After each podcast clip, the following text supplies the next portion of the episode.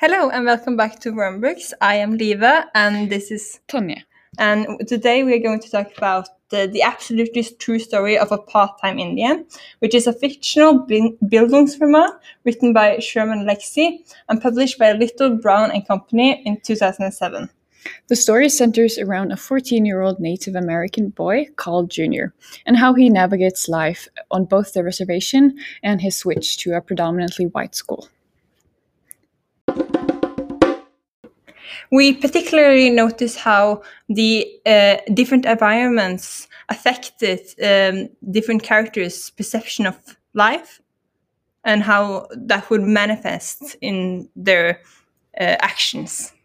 Yeah, so we're mainly going to talk about that and a few um, concepts that we noticed that were really prominent in, in the story that we're going to explore further.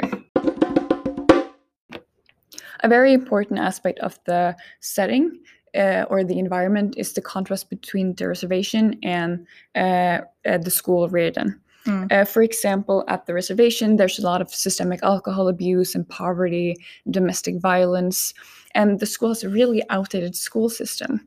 Yes, uh, for example, when he had this book and it was Yeah. his parents that had the same book. Mhm. and I also noticed that there was um, like this is based in reality. When I looked this up at National Center for Education Statistics, it was apparent that Native Americans actually had twice the dropout rate as the national average, which indicates that uh, the government has somewhat neglected um, the welfare of Indian Americans. Yeah, and that sup- really supports like the difference between uh, the two because it's re- really prominent um, how much better the educate system and how the people feel and and yeah how- the people live like in the two different yes, places. because in Reardan, um, there are a lot of white people who have a Mhm. lot of privilege and they have a lot of different social norms than in yeah, yeah because like at the reservation they had like rules for uh, when to beat someone up, and at the Reardan they they don't beat someone up. yeah. And I think something that really exemplifies this contrast is the last basketball game when um, Junior plays for the Reardan and that he feels like he is the underdog who's going to beat the people who tormented him throughout his childhood.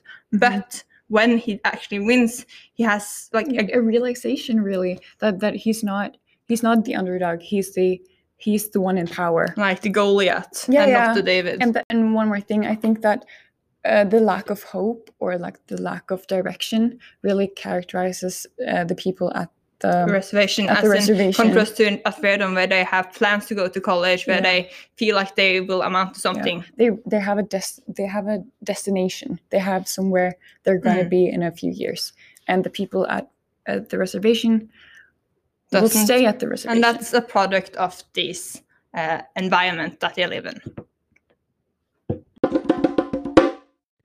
There's a few concepts that we notice in the book, and I want to introduce one of the concepts by uh, this one quote that I noticed.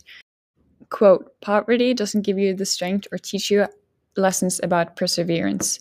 No, poverty only teaches you how to be poor. End of quote. And uh, Junior sh- shares uh, his views on poverty in the second chapter of the no- novel, and he talks about his struggles with with uh, his family and other poor Native Americans at the reservation, and in this process criticizes common romanticized ideas about people pulling themselves up by the bootstrap, bootstraps and overcoming ad- adversity and pursuing the American dream. Yes, and this circle of poverty that he mentions, uh, that someone is born in this reservation and then they're destined to be poor. Um, this is something that a lot of people on the reservation share. That's a a Mhm. common um, idea.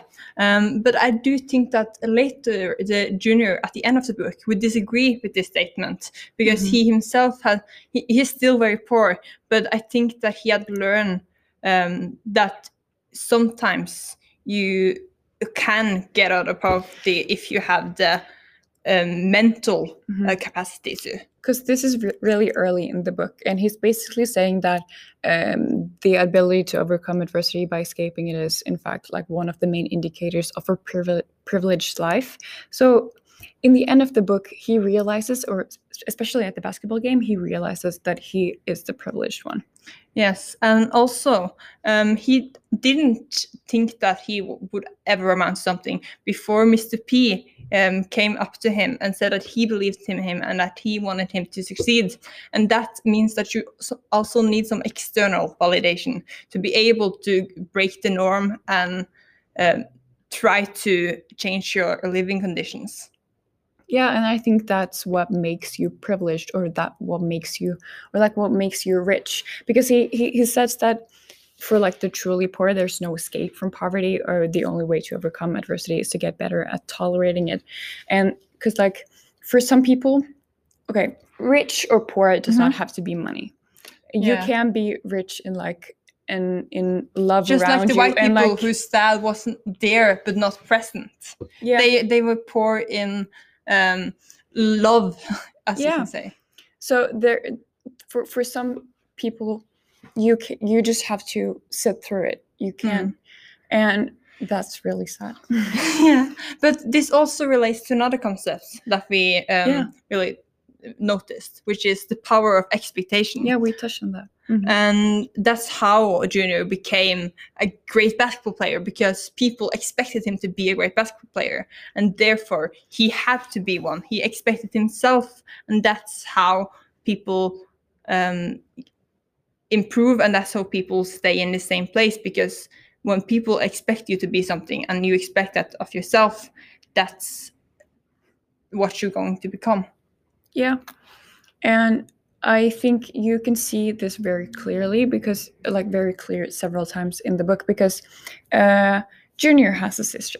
Yes. And and and that sister's name is mary. Yeah.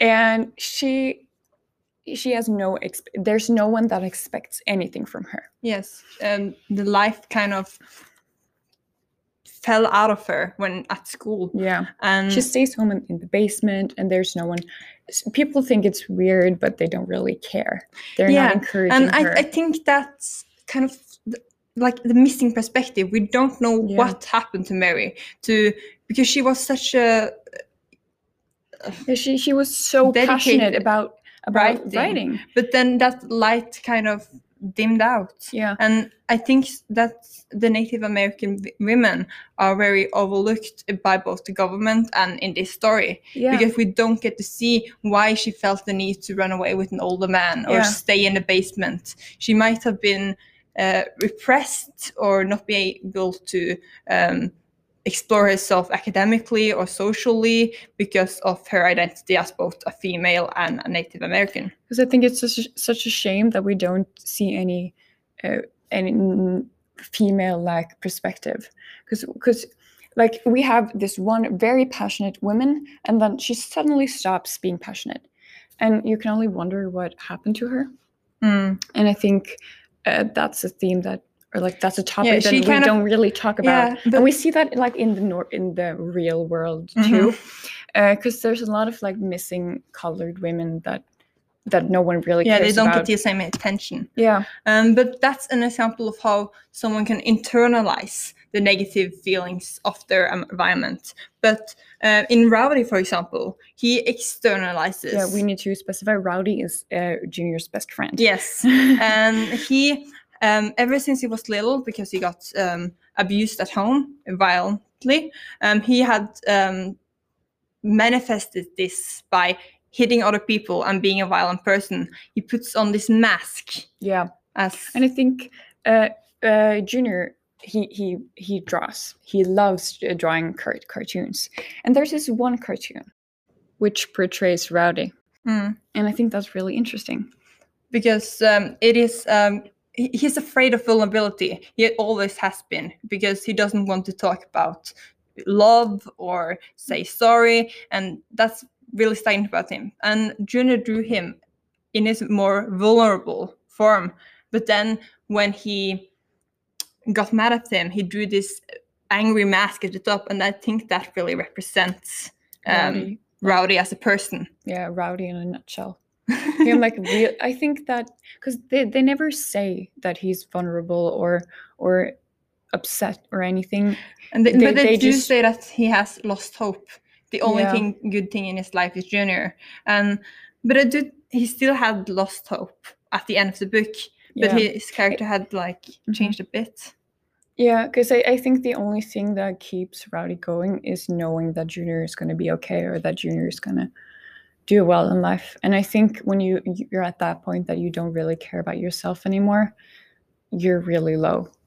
And That's yeah, but that's kind of nice about the la- relationship because yeah, that's he, he must really care. He cares about Junior more than than himself, but he he won't admit it. But it's very clear from the way he acts and. Overall, the novel shows how people become a product of their environment, though this may manifest differently from person to person. our key takeaway from this novel is that there are many forms of privilege, and that we have to be aware of our own privilege and help those who lack the mental or physical facilities to better their own conditions. Thank you for listening.